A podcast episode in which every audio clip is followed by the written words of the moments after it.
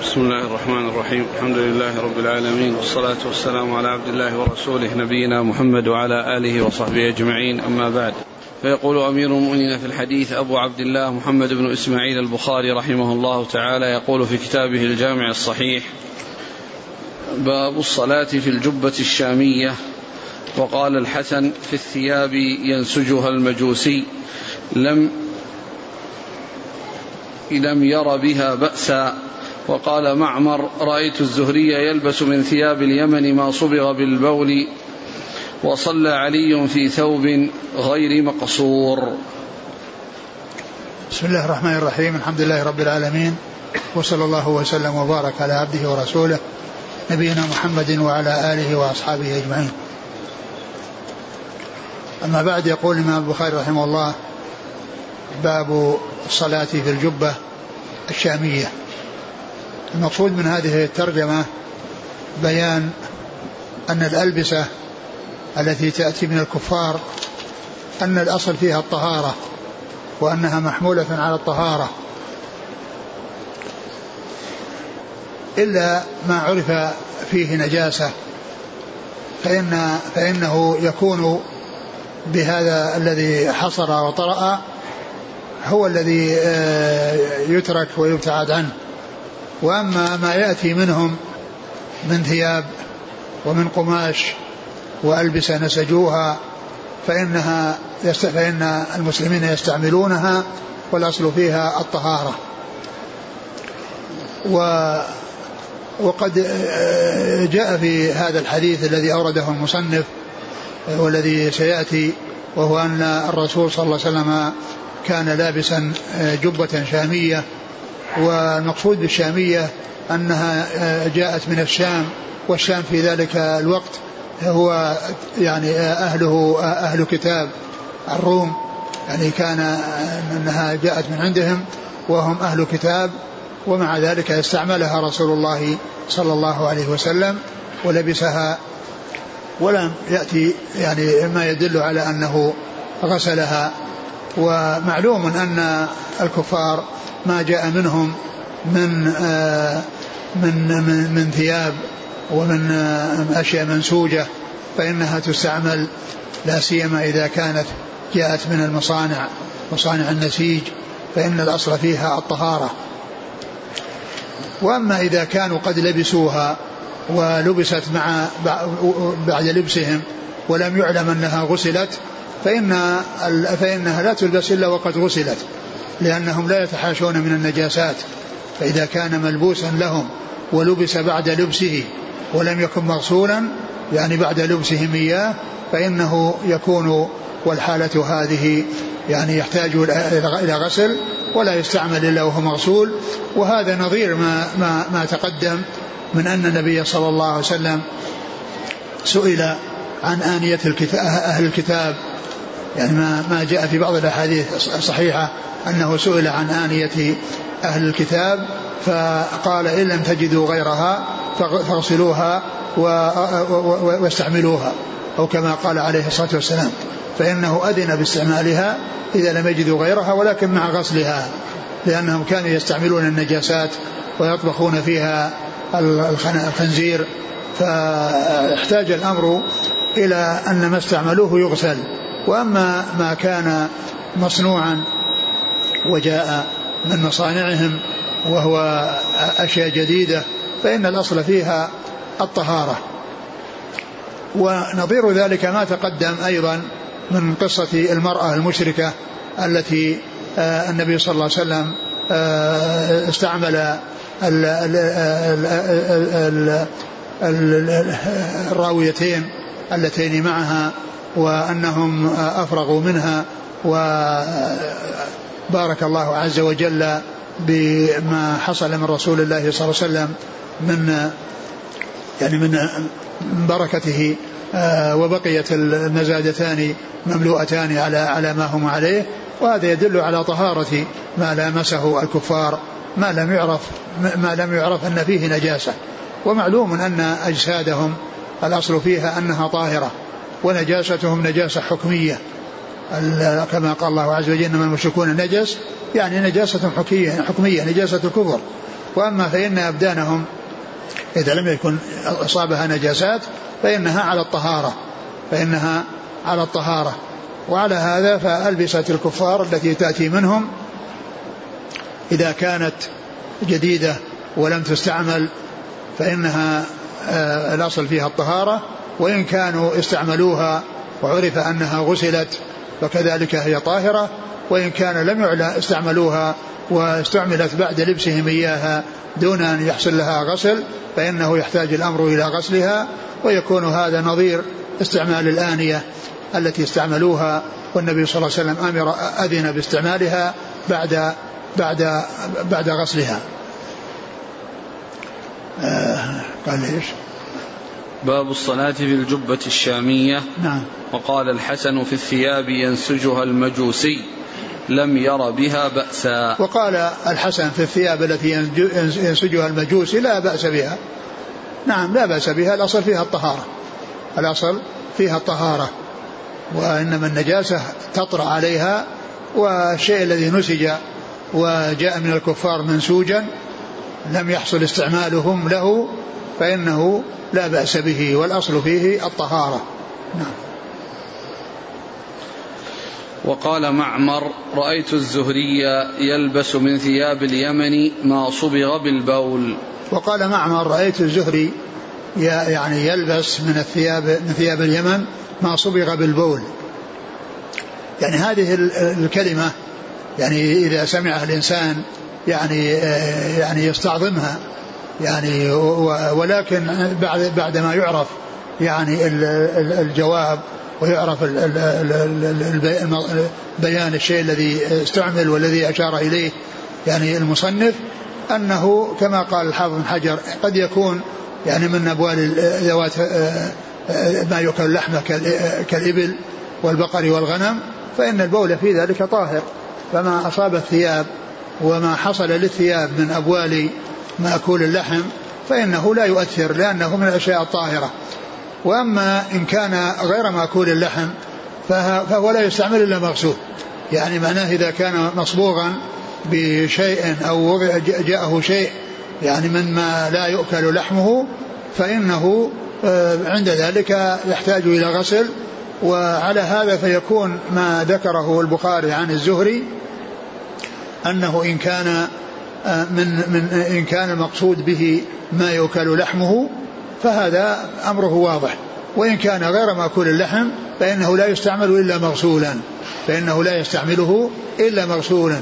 وبهذا يتضح يعني المعنى الذي آه، ذكره البخاري والذي أشار إليه البخاري وأن الأمر كما هو واضح إما أن يكون هكذا وإما أن يكون هكذا. إما أن يكون من مأكول اللحم فالبول طاهر كما جاء في قصة العرانيين وأن النبي صلى الله عليه وسلم أذن لهم أو أمرهم بأن يشربوا من أبوال الإبل وما ذاك إلا لطهارتها وكذلك وإن كان يعني مما يعني من غير ذلك فإنه لا يستعمله إلا مغسولا. نعم. وصلى علي في ثوب غير مقصور. وصلى علي في ثوب غير مقصور. يعني في ثوب غير مقصور.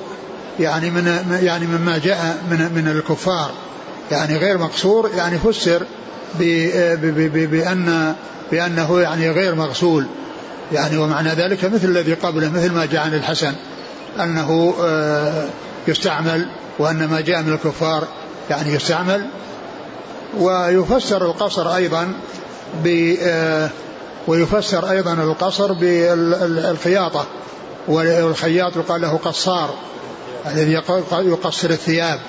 ف يعني ف لكن إيراد البخاري له فيما يتعلق ب يعني في ما يتعلق بالكفار وما جاء من الكفار يعني أن أنه يحمل على أنه يعني غير غير مغسول وأما كونه يصلى في الثوب وهو لم يعني يقصر ولم يعني تحصل خياطته فإن هذا سائغ وقد مر أحاديث كثيرة تدل على الصلاة في ثوب واحد يعني ما حصل فيه خياطة لا ليس قميصا ولا سراويل ولا غير ذلك وإنما هو ثوب لم تحصل آه، خياطته على أي وجه كان.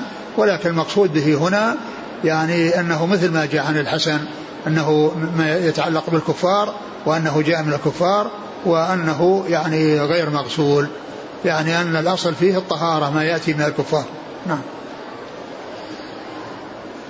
قال حدثنا يحيى قال حدثنا أبو معاوية عن الأعمش عن مسلم عن مسروق عن مغيرة بن شعبة رضي الله عنه أنه قال كنت مع النبي صلى الله عليه وعلى آله وسلم في سفر فقال يا مغيرة خذ الإداوة فأخذتها فانطلق رسول الله صلى الله عليه وسلم حتى توارى عني فقضى حاجته وعليه جبة شامية فذهب ليخرج يده من كمها فضاقت عليه فأخرج يده من أسفلها فصببت عليه فتوضأ وضوءه للصلاة ومسى على خفيه ثم صلى. ثم ذكر حديث المغيرة بن شعبة رضي الله عنه الذي فيه ذكر الجبة الشامية التي ترجم لها. الجبة الشامية التي ترجم بها وهي التي جاءت من الشام وهي بلاد كفار في ذلك الوقت بلاد أهل الكتاب وأن النبي صلى الله عليه وسلم استعملها ولبسها. وأورد في هذا الحديث أن أنه كان مع النبي صلى الله عليه وسلم في سفر وكان هذا في غزوة تبوك. ف فكان معه صلى الله عليه وسلم وأعطاه الإداوة وقال له يعني الإداوة التي فيها الماء الذي يتوضأ به بعد قضاء حاجته. فذهب صلى الله عليه وسلم حتى توارى يعني حتى توارى عنه وذهب بعيد بعيدا عنه. ثم إنه جاء وصار المغيرة يصب عليه الماء والرسول صلى الله عليه وسلم يتوضأ. ولما جاء عند غسل اليدين أراد أن يخرج يديه إلى الذراعين من الكم فضاق فضاق من يعني بأن يخرج من الكم فأدخل يده صلى الله عليه وسلم وأخرجها أخرجها من تحت الثوب لأن آه، كون الكم يعني ما يعني يحصل حسره إلى أن يكون وراء الذراعين وراء المرفقين فاحتاج إلى أن يخرج يديه من من تحته بمعنى أنه يخرجها من الداخل ثم يخرجها بعد ذلك وعليه ثياب أخرى غيرها عليه الصلاة والسلام. فصار يصب عليه المغيرة بن شعبة رضي الله عنه ولما وصل عند الرجلين وفيهما الخفان وقد أدخلهما طاهرتين مسح عليهما صلى الله عليه وسلم. وجاء في بعض الروايات أن المغيرة أهوى كما سبق أن مر قال أهوى ليخلع خفيه خفي النبي صلى الله عليه وسلم فقال دعهما فإني أدخلتهما طاهرتين ومسح عليهما صلوات الله وسلامه وبركاته عليه. نعم. قال حدثنا يحيى يحيى بن موسى. عن أبي معاوية محمد بن خازم. عن الأعمش سليمان بن مهران. عن مسلم ابن صبيح ال ال ال ال أبو الضحى. نعم. مسلم بن صبيح. نعم. نعم. عن مسروق. ابن الأجدع. عن مغيرة بن شعبة. رضي الله تعالى عنه. قال رحمه الله تعالى باب كراهية التعري في الصلاة وغيرها. قال حدثنا مطر بن الفضل. قال حدثنا روح. قال حدثنا زكريا بن إسحاق. قال حدثنا عمرو بن دينار قال سمعت جابر بن عبد الله رضي الله عنهما يحدث أن رسول الله صلى الله عليه وسلم كان ينقل معهم الحجارة للكعبة وعليه إزاره فقال له العباس عمه يا ابن أخي لو حللت إزارك فجعلت على منكبيك دون الحجارة قال فحله فجعله على منكبيه فسقط مغشيا عليه فما رؤي بعد ذلك عريانا صلى الله عليه وسلم. ثم ذكر باب النهي. كراهية التعري. باب كراهية التعري في الصلاة وغيرها. يعني أن الإنسان في صلاته يكون مستترا ويعني قد يعني لابد من من من تغطية العورة. وسبق أن عرفنا أن اللباس في الصلاة يعني منه ما هو واجب ومنه ما هو مستحب. وما هو زينة. منه ما هو زينة ومنه ما هو واجب. الواجب هو ستر العورة. وما سوى ذلك فهو من الزينة التي يتزين بها للصلاة كما أن الإنسان يتزين بها عند الناس ويتزين باللباس عند الناس فإنه يتزين باللباس عند الصلاة.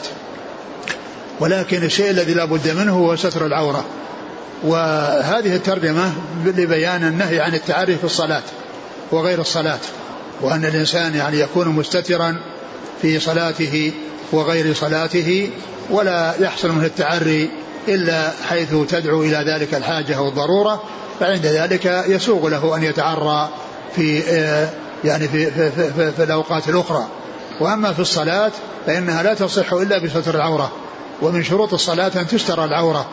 وما زاد على ذلك فهو مطلوب لما فيه من الزينة ولما فيه من المظهر اللائق بكون الإنسان يناجي الله عز وجل ويصلي وهو على أحسن حال كما أنه مع الناس يكون معهم على حالة حسنة من اللباس. ف يعني هذا لبيان أن التعري لا يجوز لا في الصلاة ولا في غيرها إلا ما يحتاج إليه في غير الصلاة. وأما بالنسبة للصلاة إذا احتاج إليه لكونه ما وجد لباسا أصلا ويعني وهو, وهو عريان وجاء وقت الصلاة وهو عريان فإنه يصلي على حسب حاله. يصلي على حسب حاله ولا تسقط الصلاة. بل ما دام الإنسان في عقله ووعيه وهو في الوقت ولم يخرج الوقت فإن عليه أن يصلي الصلاة على أي حال.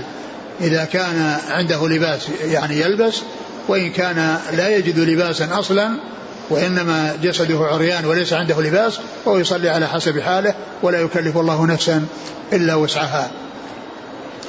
نعم. قال؟ أن صلى الله عليه وسلم كان ينقل معه. نعم ثم أورد هذا الحديث عن جابر رضي الله عنه أن النبي صلى الله عليه وسلم لما كانوا يبنون الكعبة كان النبي صلى الله عليه وسلم ينقل معهم الحجارة وكانوا ينقلونها على أكتافهم وكان عليه الصلاة والسلام عليه إزار. فقال له عمه العباس لو آه، حللت إزارك ووضعت شيئا تحت آه، فوق كتفك حتى يقيك الحجارة لأن الحجارة يعني يضعها على كتفه وليس عليه وقاء وشيء يحول بين جسده وبين الحجارة فأرشده إلى هذا فحله وجعل شيئا منه على على كتفه ويعني وحصل يعني تعريه أو حصول يعني شيء من ظهور عورته فخر مغشيا عليه صلوات الله وسلامه وبركاته عليه لأنه كان قبل قبل بعثته صلى الله عليه وسلم كان في حشمة وفي ابتعاد عن كل ما يسوء وعن كل ما لا يليق صلوات الله وسلامه وبركاته عليه. فحصل له ما حصل ثم إنه أخذ إزاره ولم يرى ولم يرى عريانا؟ نعم.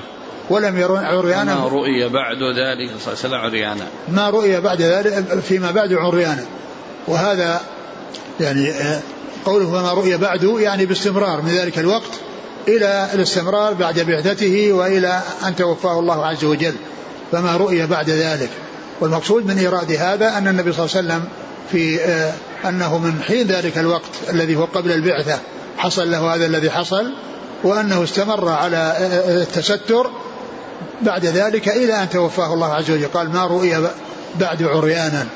يعني بعد هذه الوقعة وهذه الحادثة وهذه المرة ما رؤي عريانا عليه الصلاة والسلام بعد ذلك. وهذا يبين أن هذا هديه وهذه طريقته صلى الله عليه وسلم وأنه كان يعني يتستر وما يراه أحد عريانا. ولكن فيما يتعلق بالتعري وكل إنسان يتعرى عند الحاجة يعني لا بأس بذلك وكذلك عند عند الاغتسال وكذلك عند يعني أمر يقتضي ذلك لعلاج أو ما إلى ذلك فإن هذا تدعو إليه الحاجة وتدعو إليه الضرورة ولا ولا بأس بذلك. أعد الحديث. قال أن رسول الله صلى الله عليه وسلم كان ينقل معهم الحجارة للكعبة وعليه إزاره. فقال له العباس عمه يا ابن أخي لو حللت إزارك فجعلت على منكبيك دون الحجارة. قال فحله فجعله على منكبيه فسقط مغشيا عليه فما رؤي بعد ذلك عريانا صلى الله عليه وسلم. لأنه ما حصل ما كان من عادته ولا كان من شأنه أن تبدو عورته صلى الله عليه وسلم.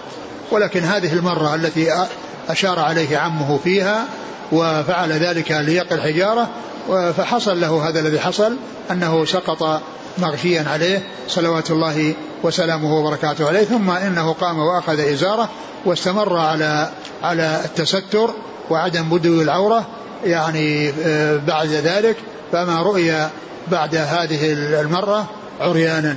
وكان هذا قبل قبل بعثته صلى الله عليه وسلم لأن الكعبة بنيت في زمن قريش وقبل أن يبعث رسول الله صلى الله عليه وسلم وقد بنوها البناء الذي آه، هي عليه الآن يعني من ناحية الكيفية حيث آه، بني بعضها وأكثرها والحجر لم يدخل في بنائها على بناء قريش وقد استمر هذا البناء إلى, إلى, إلى, إلى هذا الوقت والحجر من الكعبة ولكنه آه، قصر أو قصرت قصرت بقريش النفقة التي التي جمع التي بنوا فيها الكعبة وأنها يعني مال طيب ولكن وتركوا هذا المقدار الذي جعلوا حاجزا وجدارا وراءه يسمى الحجر لأنه يميز المكان الذي من الكعبة عن المكان الذي هو من غير الكعبة. ولهذا لا يجوز الطواف من داخل الحجر لأنه جزء من الكعبة. لأنه جزء من الكعبة لم تبنه قريش وبقي الأمر على هذا. وإنما بقي الأمر على هذا لأن لأن آآ آآ لأنه لو حصل بناء الكعبة وتنافس الناس في بنائها وكل زعيم وكل ملك يأتي أو كل وال يبنيها حتى يقول يقال هذا بناء فلان. وهذا بناء فلان ثم إذا راح وجاء مكان آخر بناها من جديد وقال هذا بناء فلان لكنه بقي على هذا الوضع حتى لا يحصل للكعبة يعني شيء من من من البناء الذي يتنافس فيه والذي يحصل معه التغيير والتبديل كلما جاء وال غير بناءها حتى ينسب بناؤه إليه بل بقي الأمر على ما هي على, على ما هو عليه. الذي بنيت عليه الكعبة في ذلك الوقت الذي شاركهم النبي صلى الله عليه وسلم في بنائها هو على هذا الوضع التي هي عليه الآن. نعم. قال حدثنا مطر بن الفضل نعم. عن روح بن عبادة. عن زكريا بن إسحاق نعم. عن عمرو بن دينار نعم. عن جابر بن عبد الله.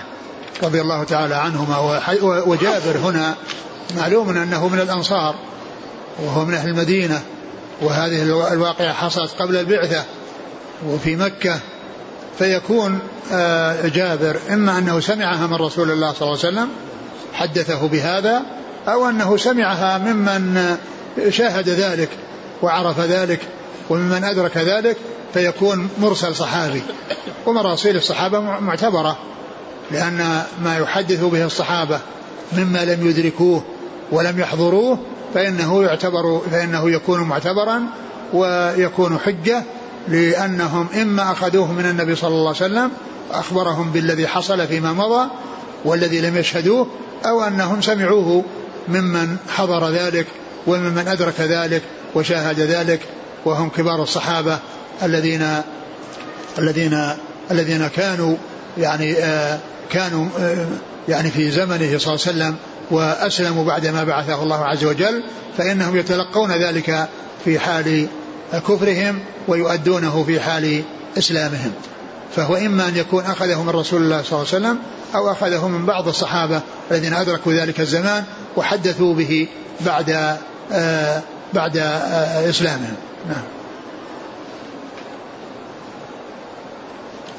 قال رحمه الله تعالى باب الصلاة في القميص والسراويل والتبان والقباء. قال حدثنا سليمان بن حرب قال حدثنا حماد بن زيد عن أيوب عن محمد عن أبي هريرة رضي الله عنه أنه قال قام رجل إلى النبي صلى الله عليه وعلى آله وسلم فسأله عن الصلاة في الثوب الواحد فقال أو كلكم يجد ثوبين؟ ثم سأل رجل عمر فقال إذا وسع الله فأوسعوا. جمع رجل عليه ثيابه صلى رجل في إزار ورداء في إزار وقميص في إزار وقباء في سراويل ورداء في سراويل وقميص في سراويل وقباء في تبان وقباء في تبان وقميص. قال وأحسبه. قال في تبان ورداء. ثم ذكر البخاري رحمه الله باب باب الصلاة في القميص. والسراويل والتبان والقباء. باب الصلاة في القميص والتبان والسراويل والقباء. يعني هذه ألبسة هذه ألبسة يعني آه، مما مما مما, مما يلبس والصلاة فيها وأنه يصلى فيها كما يصلى في آه، الثياب التي آه، في الثياب التي لم تخط. وهذه يعني تدخلها الخياطة يعني القميص والسراويل والقباء و التبان والتبان. أربعة. هذه تدخلها الخياطة. وهناك أشياء لا تدخلها الخياطة مثل مثل مثل الرداء ومثل ومثل الإزار. الإزار والرداء آه، يعني هذان آه، لا تدخلهما الخياطة ويستعملان بدون خياطة. وأما هذه الأربعة فإنها تستعمل في الخياطة. وعلى هذا فإن الحديث هذا الحديث عن أبي هريرة أن رجلا سأل النبي صلى الله عليه وسلم عن الصلاة في الثوب الواحد قال أو كلكم يعني يجد ثوبين؟ يعني معنى ذلك أن الناس آآ آآ لا يملكون أكثر من ثوب ولهذا يصلون في الثوب الواحد والله تعالى يقول فاتقوا الله ما استطعتم. وقوله وكل يملك ثوبين يدل على أن أن أن أن في أن أن الصلاة في أكثر من ثوب أنها أنها حسنة وأن هذا هو, هو, هو الذي ينبغي الذي يكون به كمال التستر. ولكن إذا لم يجد إلا شيئا واحدا فإنه يكتفي به فإنه يكتفي به. ولكن فيما يتعلق بالصلاة فإنه لابد أن تكون عورته مغطاة. لابد أن تكون عورته مغطاة. ثم ذكر يعني أنواعا من من الألبسة يعني منها ما يخاط ومنها ما لا يخاط ومنها ما يتعلق بالنصف الأسفل ومنها ما يتعلق بما فوق ذلك والذي يتعلق بالنصف الأسفل هو السراويل والتبان والإزار. يعني اثنان مخيطان وواحد غير مخيط السراويل والتبان والإزار. هذه تستعمل على النصف الأسفل.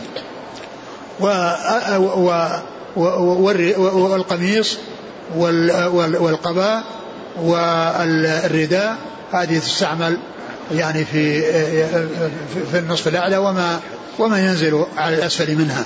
وما ينزل على الأسفل منها. فذكر يعني ستة من, من أنواع اللباس. ستة من أنواع اللباس التي هي أربعة مخيطة واثنان غير مخيطان غير مخيطين وهما ال ال ال ال وثلاثة على النصف الأسفل وثلاثة تكون على النصف الأعلى وعلى شيء من الأسفل. فذكر هذا الحديث عن عن أبي هريرة مرفوعا إلى رسول الله. الفرق بين هذه الألبسة وش هي؟ نعم. القميص. نتكلم عليها. الرسول صلى الله عليه وسلم سئل عن اللباس.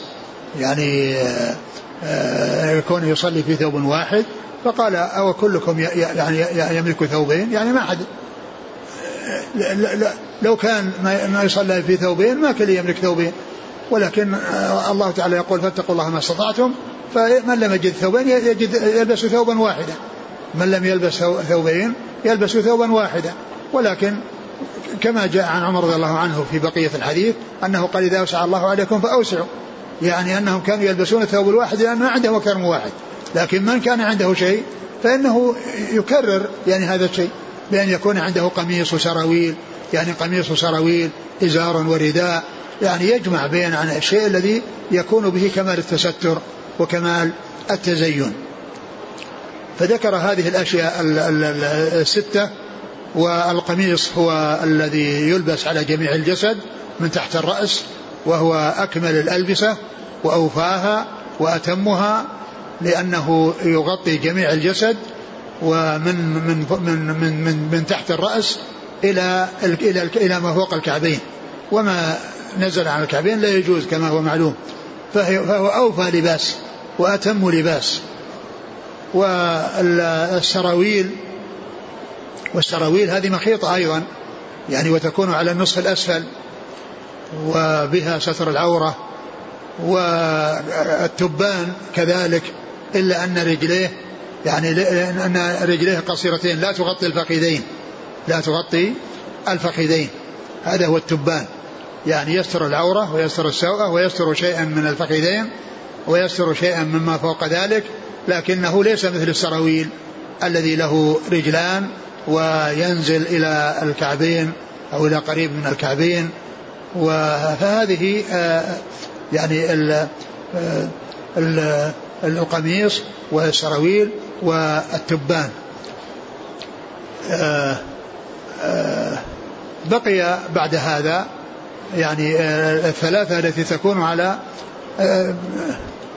بقي المخيطة هي هذه الثلاثة. قميص وسراويل وتبان. قميص وسراويل وتبان. هذه قباء. وقباء نعم. وقباء. القباء هو قول قالوا ثوب صغير. يعني ثوب صغير. يعني من الثياب إلا أنه صغير. ضيق. ثوب ضيق. يعني ف يعني هذا هو القباء وهو من الألبسة التي تكون من فوق. يعني لأنه إلا أنه إلا أنه يكون ضيقا. فإذا هذه أربعة مخيطة. واثنان غير مخيطين الذين هو الرداء والإزار وهي ستة. أربعة مخيطة واثنان غير مخيطين وثلاثة تكون للأسفل وثلاثة تكون للأعلى وما ينزل من الأعلى فإذا يعني هذه هذه هي الألبسة الستة. الإزار الذي هو غير مخيط يكون على النصف الأسفل والرداء غير مخيط يكون على النصف الأعلى وهو الذي يستعمله المحرم. كما يعني يعني جاءت بذلك السنة عن رسول الله صلى الله عليه وسلم يعني بأن الإنسان يحرم في إزار ورداء ولا يحرم في شيء مخيط من هذه الألبسة. قال قال عمر إذا أوسع الله عليكم فأوسعوا. سأل نعم سأل رجل عمر فقال نعم. إذا وسع الله فأوسعوا جمع رجل عليه ثيابه. إذا سأل رجل عمر قال إذا وسع الله عليكم فأوسعوا. يعني معناه إذا كان أحد عنده يعني أكثر من ثوب يعني فإنه يستعمل. يعني هذا الثوب يستعمل يعني زيادة بأن يكون عنده إزار ورداء يستعمل إزار ورداء والذي ما عنده إلا إزار يستعمل الإزار والإنسان الذي يكون عنده سراويل ويعني مع قميص يستعمل القميص ويستعمل السراويل لأن السراويل يعني فيه ستر العورة. ولو انكشف الثوب أو ان نزع شيء من الثوب فإنه تكون العورة مستورة يعني بالسراويل. وكذلك فيما يتعلق بالإزار والرداء فإن العورة مستورة بالإزار والرداء يكون فوق ذلك. حاصل أنه إذا الإنسان يستعمل يعني أكثر من واحد عند الحاجة وعند القدرة على ذلك وأما إذا لم يكن هناك قدرة فالأمر كما قال الله عز وجل فاتقوا الله ما استطعتم. ثم إن عمر رضي الله عنه لما قال جمع رجل ثيابه. يعني يجمع الإنسان آه، ثيابه يعني يجمع بين ثوبين إذا أوسع الله عليه. ثم ذكر يعني آه هذه الأنواع من الألبسة التي يجمع بينها. اثنين اثنين.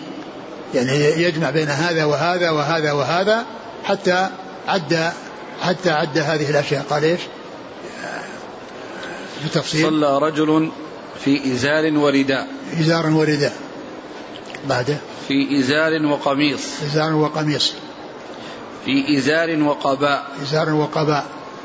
في سراويل ورداء. سراويل ورداء. في سراويل وقميص. سراويل وقميص. في سراويل وقباء. سراويل وقباء. في تبان وقباء. تبان وقباء. في تبان وقميص. تبان وقميص. قال واحسبه قال في تبان ورداء. هذه صور تسع. جاءت يعني من من استعمال الثلاثة في ثلاثة. يعني ثلاثة في ثلاثة لأن هذه الأشياء الثلاثة التي تكون على الأسفل التي هي الإزار والتبان والسراويل يضاف إليها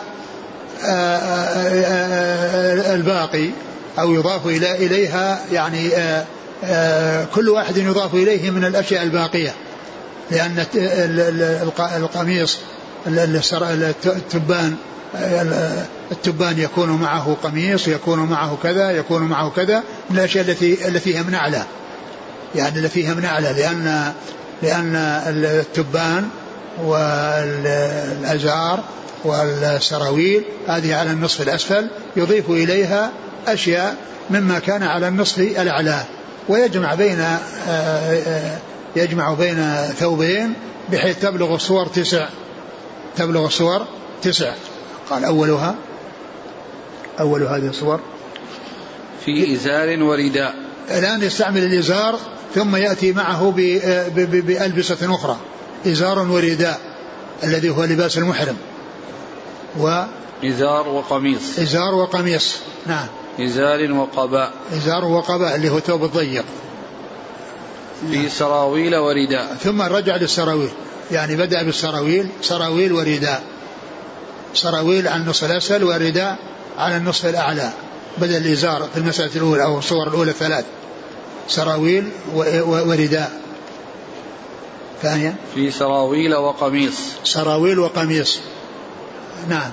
في سراويل وقباء. سراويل وقباء لأن كل واحدة من هذه ال ال هذا يعني يأتي ثلاث مرات.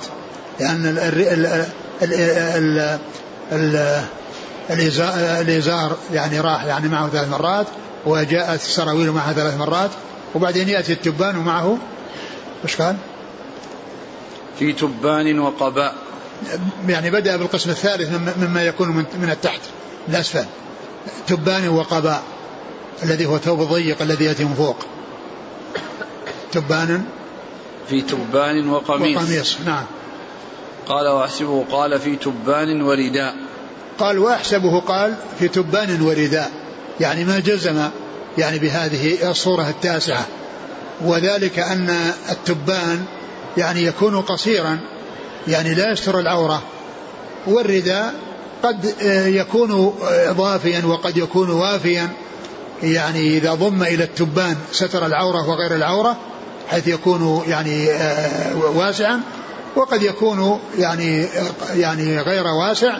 فلا يحصل به تغطية تغطية العورة ولا تصح به الصلاة إذا لم إذا لم يكن الإزار إذا كان لم يكن الرداء يعني ينزل بحيث أنه يغطي العورة ويغطي ما وراء التبان حتى تستتر العورة بذلك فيكون كأنه لبس ثوبا آه، غير مخيط ولكنه واسع التحف به وغطى التبان الذي لا الذي لا تن تستتر تست لا يحصل به ستر العورة. لا يحصل به ستر العورة. فعمر رضي الله عنه ذكر هذه الأشياء الثلاثة ثم أضاف إليها الثلاثة يعني كل واحد يعني يضاف إليه يعني غيره حتى بلغت الصور تسعة تسع والثمان الأولى يعني أمرها واضح والثانية شك فيها لأن التبان لا يحصل به ستر العورة والرداء إذا كان قصيرا أو إذا كان غير واف فإنه لا يحصل به الستر. ولا يتم الستر به إلا إذا كان واسعا بحيث يغطي التبان ويغطي يعني آه ما لا يغطيه التبان. ثم إن هذا الحديث هذا الذي جاء عن عمر فيه ذكر آه، سقوط واو العطف. سقوط واو العطف. لأن الأصل أن الأشياء تعطف. يعني قال تبان كذا وكذا وتبان وكذا وعدد تسع مرات. يعني حتى تأتي الواو ولكنها سقطت. يعني هنا قالوا فهذا يدل على جواز آه، سقوط واو العطف يعني في آه، في بين المتعاطفات وهذا من أمثلته.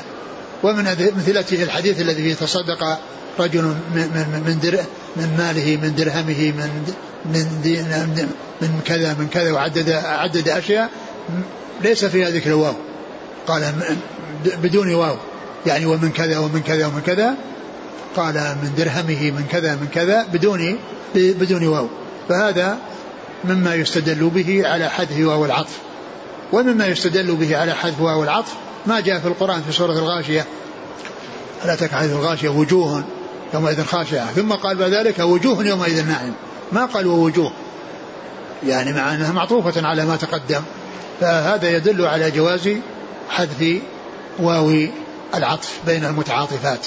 والأصل فيها إثباتها ولكن حذفها قليل ولكنه سائغ في اللغة وقد جاء في القرآن وفي سنة الرسول صلى الله عليه وسلم وفي كلام أصحابه الكرام رضي الله عنهم وأرضاهم. لأن هذا من كلام عمر والحديث من كلام الرسول صلى الله عليه وسلم وما جاء في سورة الغاشية من كلام الله سبحانه وتعالى. نعم. لكن كذلك ذكر الآن التبان والقباء. يعني طويل. نعم يعني هو ضيق ولكنها يعني لأنه كأنه يبدو أنه ما ذكر ما ذكر فيه الشك. لكن كأنها لباس ضيق ولكنه يستر العورة. لكنه ليس مثل القميص. قال حدثنا سليمان بن حرب نعم. عن حماد بن زيد نعم. عن أيوب بن أبي تميم السختياني. عن محمد بن سيرين عن أبي هريرة. رضي الله عنه. نعم. قال حدثنا عاصم بن علي قال حدثنا ابن أبي ذئب عن الزهري عن سالم عن ابن عمر رضي الله عنهما أنه قال سأل رجل رسول الله صلى الله عليه وسلم فقال ما يلبس المحرم؟ فقال لا يلبس القميص ولا السراويل ولا البرنس ولا ثوبا مسه الزعفران ولا ورس فمن لم يجد النعلين فليلبس الخفين وليقطعهما حتى يكونا أسفل من الكعبين. وعن نافع عن ابن عمر عن النبي صلى الله عليه وسلم مثله. ثم ذكر هذا الحديث الذي فيه يتعلق بما يلبسه المحرم. النبي صلى الله عليه وسلم سئل عما يلبس المحرم من الثياب فأجاب بما بما لا يلبس. وذلك أن الذي يعني آه، لا يلبس محصور والذي يلبس غير محصور. فأتى بالأشياء التي لا تلبس وهي الأشياء المخيطة يعني وهي القمص وكذلك العمائم التي على الرؤوس وإن لم تكن مخيطة لأن تغطية الرأس لا يجوز لا بمخيط ولا بغيره في حال الإحرام. فالمقصود من إيراد الحديث هنا بأنه قال لبس القميص لأنه يعني لما ذكر فيه الأشياء التي لا يلبسها المحرم يعني فهو معناه أنه في غير الإحرام يلبسها لأنها ممنوع منها في حال الإحرام وفي غير الإحرام هو يلبسها. فإذا هذه من الألبسة التي تلبس والتي يكون فيها الصلاة. يعني يصلي الإنسان في في القميص ويصلي في السراويل ويصلي في يعني في في, في, في القباء ويصلي في الرابع. الترجمة؟ القميص والسراويل والتبان والقباء. والقميص. القميص. والسراويل السراويل والتبان. والقباء. نعم هذه الأربعة المخيطة. يعني آه هذه اللي ترجم بها. يعني معناها أنه لما منع المحرم بسبب الإحرام معناه أنه في غير الإحرام يلبسها في صلاته في الصلاة وغير الصلاة. هذا وجه إيرادها هنا وأن الإنسان يلبس هذه الأشياء. لأن المحرم منع منها وسبب منعه الإحرام فإنه في غير الإحرام يلبس هذه الأشياء. نعم. والحديث هو يعني آه، في الحج يأتي في الحج لأنه يتعلق بما يلبسه المحرم وأنه يعني آه، لا يلبس هذه الأشياء المخيطة وكذلك العمائم التي تكون على الرؤوس سواء كانت مخيطة أو غير مخيطة. نعم. قال حدثنا عاصم بن علي. نعم. عن ابن أبي ذئب نعم. عن الزهري نعم. عن سالم عن ابن عمر. سالم بن عبد الله بن عمر يروي عن أبيه عبد الله بن عمر رضي الله تعالى عنه. وعن نافع عن ابن عمر. نعم. كذلك نافع مولى بن عمر. يعني فالحديث يرويه ابنه عنه ويرويه مولاه عنه. قال رحمه الله تعالى باب ما يستر من العورة. قال حدثنا قتيبة بن سعيد قال حدثنا ليث عن ابن شهاب عن عبيد الله بن عبد الله بن عتبة عن أبي سعيد الخدري رضي الله عنه أنه قال نهى رسول الله صلى الله عليه وسلم عن اشتمال الصماء وأن يحتبي الرجل في ثوب واحد ليس على فرجه منه شيء. ثم ذكر باب ما يستر من العورة. يعني باب ما يستر من العورة. يعني أن أن الألبسة التي آه، يكون فيها ستر العورة يعني هذه مطلوب مطلوب لبسها والألبسة التي يعني لا يكون بها ستر العورة أو يكون فيها التسبب في انكشاف العورة هذه جاء النهي عنها. فذكر هذا الحديث عن آه، عن عن ابن عمر. عن أبي سعيد. عن أبي سعيد الخدري رضي الله عنه. قال نهى رسول الله عن اشتمال الصماء واشتمال الصماء يعني فسر بأنه يكون يعني القطعة من القماش يلفها على نفسه وتكون يديه من داخلها ولا يظهر إلا رأسه فلو حصل له أي شيء يزعجه فإنه آه، تنكشف عورته لكونه يديه من الداخل فيحركهما فينكشف ما ما كان استتر به من هذا الاشتمال الذي هو قال لها اشتمال الصمة لأنه كأنه كالصخرة الصماء. كالصخرة الصماء. فسر بهذا وفسر بتفسير آخر وهو أن الإنسان يكون عليه ثوب واحد ويعني يجعل طرفيه طرفيه على منكبيه ويكون آه، جزء منه من جهة من جهة اليمين والشمال مكشوف فيكون بذلك فيه انكشاف العورة أو انكشاف بعض العورة من جهة اليمين أو الشمال. يعني فسرت بتفسيرين. تفسير فيه يعني فيه انكشاف شيء من العورة وهذا لا تصح معه الصلاة وهذا الاستعمال الذي يكون الإنسان فيه آآ آآ آآ لو حصل له شيء يعني يخيفه أو يزعجه فإنه يرسل يديه بسرعة وبقوة فينكشف ما تحتهما. لكن الذي يناسب بما يتعلق بالصلاة لأن الصلاة هو يعني هو هذا الذي آه، فسر به من كونه يجعل طرفيه على على على كتفيه وتكون جهة من جهاته إما اليمنى وإما اليسرى مكشوفة من من من من, من إبطه إلى أسفله وبذلك يكون انكشف شيء من العورة. الذي هو جهة من جهاتها وهو الفخذ من جهة اليمين أو من جهة الشمال. وكذلك الاحتباء في الثوب الواحد ليس على فرجه منه شيء. يعني معناه أنه يكون مكشوف. يعني مكشوف من من فوق. يكون مكشوف من فوق لأنه يلفه يعني يجلس على على على مقعدته وينصب ساقيه ثم يلفهما بثوب من وراه ومن أمامه ويبقى اللي من فوق مكشوف. فيكون هذا أيضا كذلك. هذه لبسة لها نهى عنها رسول الله صلى الله عليه وسلم لما فيها من انكشاف العورة من جهة الفوق قال إيش؟ وأن يحتبي الرجل في الثوب الواحد. ليس على فرجه منه شيء. عن اشتمال الصماء وأن يحتبي الرجل في ثوب واحد ليس على فرجه منه شيء. نعم ليس على فرجه منه شيء يعني يكون مكشوف. يعني يكون مكشوف يعني ما ما ما ما تغطى من فوق وإنما غطي من من من الجوانب وما فوق الركبتين يعني فإنه مكشوف. نعم. قال حدثنا قتيبة بن سعيد نعم. عن ليث ليث بن سعد. عن ابن شهاب عن عبيد الله بن عبد الله بن عتبة. وهذا أحد فقهاء المدينة السبعة.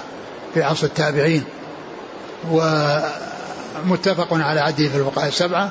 وأما سالم بن عبد الله بن عمر الذي مر ذكره في الإسناد الذي قبل هذا فإنه أحد الفقهاء السبعة على أحد الأقوال الثلاثة في السابع منهم. لأن ستة متفق على عدهم في الفقهاء السبعة والسابع مختلف فيه. فمنهم من قال سالم بن عبد الله بن عمر ومنهم من قال أبو سلمة بن عبد الرحمن بن عوف ومنهم من قال أبو بكر بن عبد الرحمن بن حارث بن هشام. نعم. عن أبي سعيد الخدري. أبي سعيد سعد بن مالك بن سن خدري رضي الله عنه مشهور بكنيته ونسبته. مشهور بكنيته أبو سعيد وبنسبته الخدري واسمه سعد بن مالك بن سنان. قال حدثنا قبيصة بن عقبة قال حدثنا سفيان عن أبي الزناد عن الأعرج عن أبي هريرة رضي الله عنه أنه قال نهى النبي صلى الله عليه وسلم عن بيعتين عن اللماس والنباذ وأن يشتمل الصماء وأن يحتبي الرجل في ثوب واحد. ثم ذكر هذا الحديث الذي آه الذي آه فيه النهي عن بيعتين وعن لبستين. عن بيعتين الذي اللي هي الملامسة والمنابذة. الملامسة والمنابذة وهذه من جملة البيوع المنهي عنها لما فيها من الغرر والجهالة وهي أن يقول يعني انبذ يعني ينبذ ثوب أو ما أنبذه إليك فإنك يعني يكون تم بيعه عليك أو ملامسة بأنه يلمس يعني أنه يلمس يعني ثوب فيكون أو يعني يدخل يده فيلمس شيئا ثوبا فيكون يتم بيعه بهذه بهذه الطريقة. هاتان طريقتان لا يجوز آه، تعاطيهما ولا يجوز استعمالهما لما فيهما من من من الجهالة ولما فيهما من الغرر الذي يعني يلزم الإنسان بشيء يعني آه، يعني لا يريده بسبب هذه الطريقة التي هي النبذ واللمس الذي هو النبذ واللمس. وإنما يكون الإنسان يشتري الشيء على على ما يراه وعلى ما يشاهده أو يكون معلوما يعني بأن يكون في في غطاء في في في وعاء خاص به وإن لم وإن لم يعني يفتحه. ولكن المحذور كون في عدة أشياء يلمس يعني ويصير له واحد منها أو يعني ينبذ له يعني واحد من أشياء من هذا فيكون فيكون يعني هذا الذي ينبذه هو الذي يكون به البيع. وأما ما يتعلق بالترجمة وهو آه، اشتمال الصمة والاحتباء وهو الذي مر في الحديث السابق إلا أن هذا الحديث ليس فيه ذكر آه، آه، الفرج وأنه ليس عليه شيء وهو محمول على ذلك. أما إذا كان الإنسان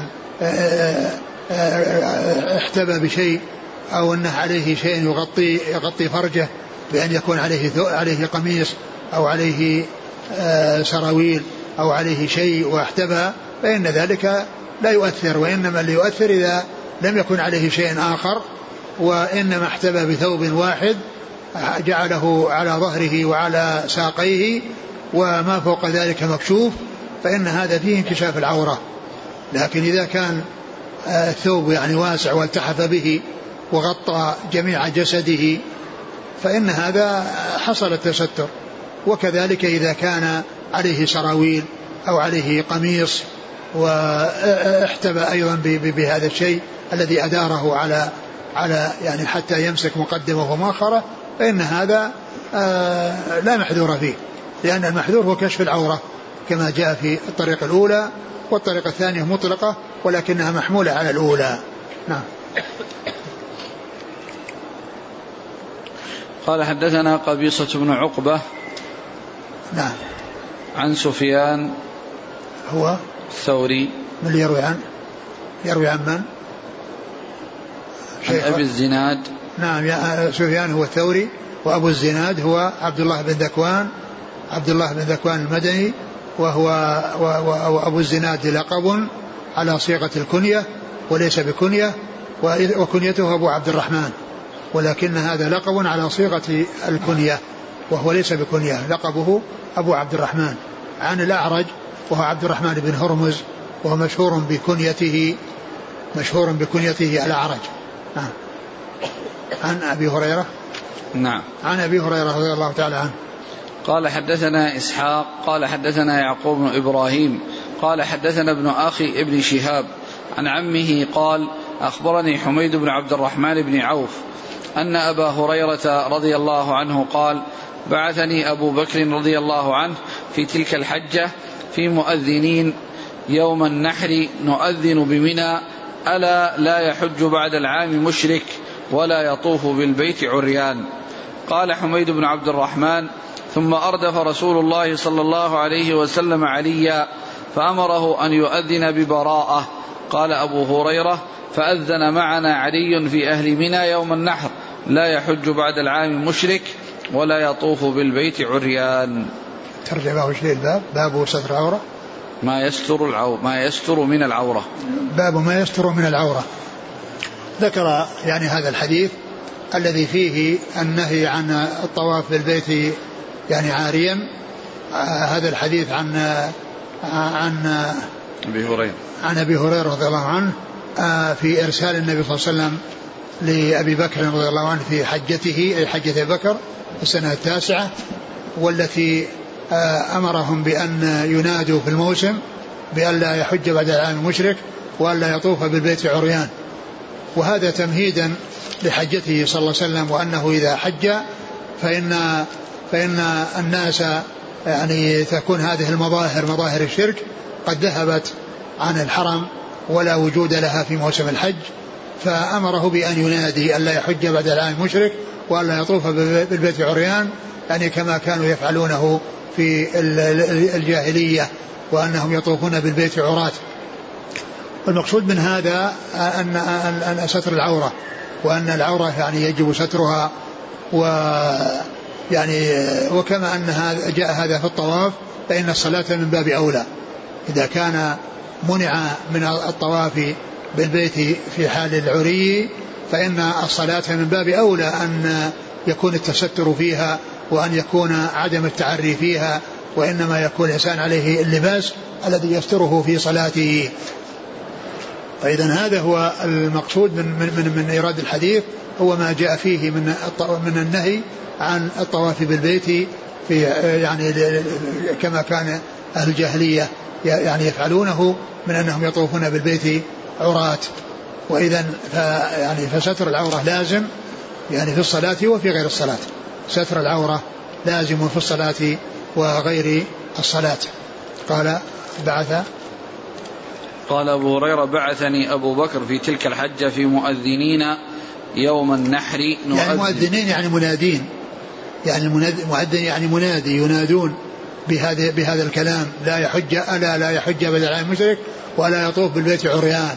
يعني ينادون حتى يسمعهم الناس وحتى يعني يكون في المستقبل لا يأتي أحد يعني بعد هذه السنة على على على الهيئات التي كانوا عليها في الجاهلية وهي أنهم يعني يأتون وهم مشركون وكذلك يأتون وهم عراة فقال لا يحج بعد العام مشرك لا يحج يحج بعد العام مشرك ولا يطوف بالبيت عريان. وأبو هريرة رضي الله عنه من جملة المنادين الذين أرسلهم أبو بكر للنداء في الناس في الموسم يطوفون في تجمعات الناس وينادون بهذا النداء ألا لا يحج بدل المشرك ولا يطوف بالبيت عريان.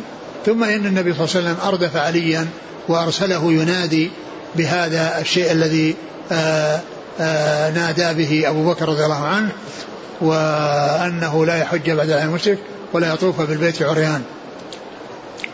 نعم ثم إنه أردف. عليا؟ أردف صلى الله عليه وسلم عليا فأمره أن يؤذن ببراءة. يؤذن يعني ينادي يؤذن ببراءة. يعني ما جاء في في في, في يعني ما جاء في أول سورة براءة من براءة الله ورسوله من المشركين. نعم فأذن معنا علي في أهل منى يوم النحر لا يحج بعد العام المشرك. علي رضي الله عنه أذن بما أمره به النبي صلى الله عليه وسلم من آه، النداء في براءة وما جاء في الآيات التي في أولها وكذلك أيضا بالذي كان ينادي به أبو هريرة وغيره من الذين أرسلهم أبو بكر رضي الله عنه للنداء بالناس وهو ألا يطوف ألا يحج بعد العام مشرك وألا يطوف بالبيت عريان. ألا يحج بعد العام مشرك وألا يطوف بالبيت عريان. وإذا حصل هذا من من علي رضي الله عنه وحصل أيضا من المندوبين أو المبعوثين الذين بعثهم أبو بكر ليطوفوا في الموسم وينادوا ويعني يعلم الناس بأن بأنه لا يحج بعد العام مشرك وأن لا يطوف بالبيت عريان وأن وأن هذه الأفعال التي كانت في الجاهلية فإنها تنتهي ولا يوجد شيء منها يعني بعد هذا العام. نعم. قال حدثنا إسحاق. إسحاق بن منصور أو بن راهوية. عن يعقوب بن إبراهيم. الدورقي.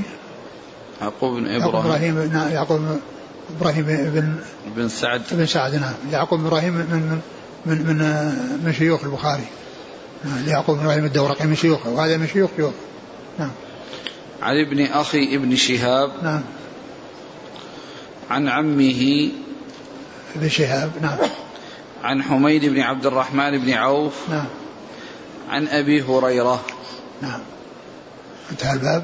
نعم. والله تعالى أعلم وصلى الله وسلم وبارك على عبده ورسوله نبينا محمد وعلى آله وأصحابه أجمعين.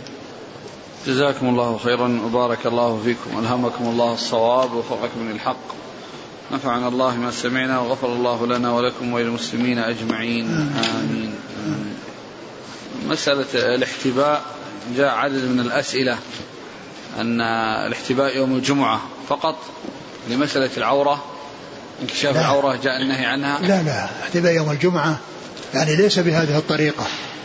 يعني حتى كل إنسان يحتبي بيديه لا يفعل ذلك يوم الجمعة لأن هذا يعني سبب ل... ل... للنوم وأنه يعني يحصل انتقاض وضوءه يعني ب... ب... ب... ب... بهذا العمل. الاحتباء يوم الجمعة ليس المقصود به يعني مثل هذه هذه الطريقة وإنما المقصود به الاحتباء يعني هذا يعني في انكشاف العورة في جميع الأحوال في جميع الأحوال.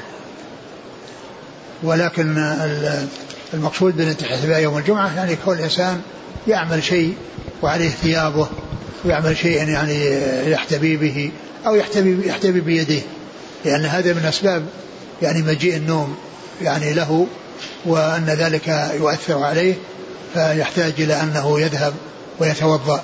قد يحصل منه شيء بسبب هذا. يقول هل الجبة هي التي تسمى الآن عندنا الكوت؟ يعني هي هي يعني من جنسها في الجملة لأن الجبة الآن هي في الغالب أنها تكون واسعة أنها تكون كبيرة. الكوت يعني على على نصف الأعلى وهي تكون أكثر.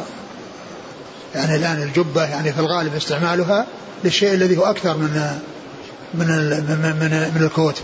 الكوت على النصف الأعلى. وأما الجبة فإنها تنزل. وهي من صوف يعني يعني فوق اللباس فوق الثياب. يعني في الحديث نفسه هذا الذي جاء جبة من صوف في بعض الروايات. يقول ما وجد من الألبسة في زمننا هذا مثل مثل البدلة والألبسة الرياضية. هل هي ممنوعة أم مباحة للمصلي؟ المصلي عليه أن يكون في أحسن حال وأن يكون على أحسن لباس. والصلاة تصح يعني بها إذا كانت العورة يعني مستورة لكن يعني يكون الناس يتساهلون ويتركون اللباس اللي فيه الاحتشام وفيه يعني يعني هذه الألبسة يعني في الغالب أنها تكون يعني تبين الأحجام تبين يعني ما ما في داخل ما داخل ما كان بداخلها تبين البروز من قد من قد من, من أمام ومن وراء فكون الإنسان يبتعد عن لباسها مطلقا لا شك أن هذا هو الذي ينبغي في الصلاة وغير الصلاة. يقول وهل اذا لكن الصلاة تصح. نعم.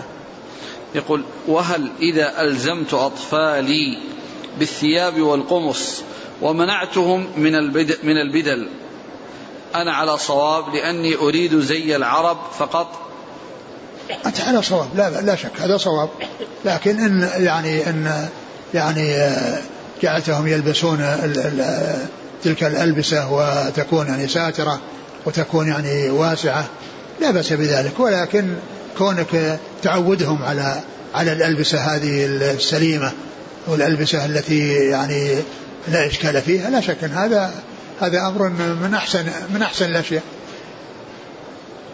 ما حكم لبس ربطة العنق بالنسبة للرجل؟ هذه من جملة لباس الكفار لأن لباس الكفار هذه من جزئياته من جزئيات اللباس. الذي هو يعني اللباس الكفار من جزئياته هذه الربطة التي تكون في العنق. ويعني لبسها يعني معناه إيغال في في في, الاقتداء بالكفار. تشبه بالكفار بل هذا من أوضح ما يكون في التشبه بالكفار. يعني هذه الربطة التي تكون يعني يجعلونها في في في في, في أعناقهم. اللباس لباس كفار وهذه من جزئيات لباس الكفار وهي واضحة في التشبه بالكفار. نعم. يقول ما يأتينا من المصانع من بلاد الكفر مما آه، نسج أو خيط مما لا يؤكل لحمه فيما يتعلق بالنسبة ل يعني الألبسة التي تكون يعني من من مما يؤكل لحمه هذا الأمر فيها واضح لأن لأن يعني هذا بالنسبة لأهل الكتاب. أهل الكتاب هم الذين ذبائحهم مثل ذبائح المسلمين. وأما غيرهم فإن يعني ذبائح ذبائحهم مثل الميتة. يعني ذبائح الكفار الذين هم غير أهل الكتاب مثل الميتة. يعني لا يجوز يعني يعني لا يؤكل إلا ما كان من من ذبائح أهل الكتاب. والجلود التي تستعمل يعني من الذبائح التي يذبحها الكتاب مثل الذبائح التي يذبحها المسلمون. استعمالها يعني يعني سائغ. وأما الأشياء التي هي ليست مما يؤكل لحمه يعني ك كالسباع وما إلى ذلك فللإنسان ليس الإنسان يستعمله لا من لا من أهل الكتاب ولا من غير أهل الكتاب لأنه جاء يعني ما يدل على النهي عن ذلك. إذا انكشفت العورة أثناء الصلاة. ثم سترها المصلي. هل يكمل صلاته؟ ابدا الشيء الطارئ لا يؤثر. الشيء الطارئ يعني لا يؤثر. الشيء الذي يطرأ يعني ويحصل ثم يعني يتداركه لا يؤثر. يقول آه، نريد من فضيلتكم توجيه نصيحة للطلاب في مسألة حجز الأماكن وكذلك عدم التقدم للصفوف عند إقامة الصلاة. الرسول عليه الصلاة والسلام يقول تقدموا فأتموا بي وليأتم بكم من بعدكم ولا يزال قوم يتأخرون حتى يؤخرهم الله. فتسوية الصفوف والتقدم للصفوف كل صف أفضل من الذي يليه. كل صف أفضل من الذي يليه. وإذا كان الصفوف يعني الأمام موجودة فلا يتأخر الإنسان عن الذهاب إليها. بحيث يعني يسوي الصفوف الأول فالأول وهكذا ولا يؤتى بصف إلا بعد امتلاء الذي قبله. وأما كون بعض الناس يعني يتأخر والصفوف أمامه فهو الحقيقة يعني على خطر لأنه على خطر يدخل تحت قوله ولا يزال القوم يتأخرون حتى يؤخرهم الله. وحجز الأماكن يعني هنا ما يحتاج إلى حجز حجز أماكن هنا ولا في أي مكان؟ أي نعم.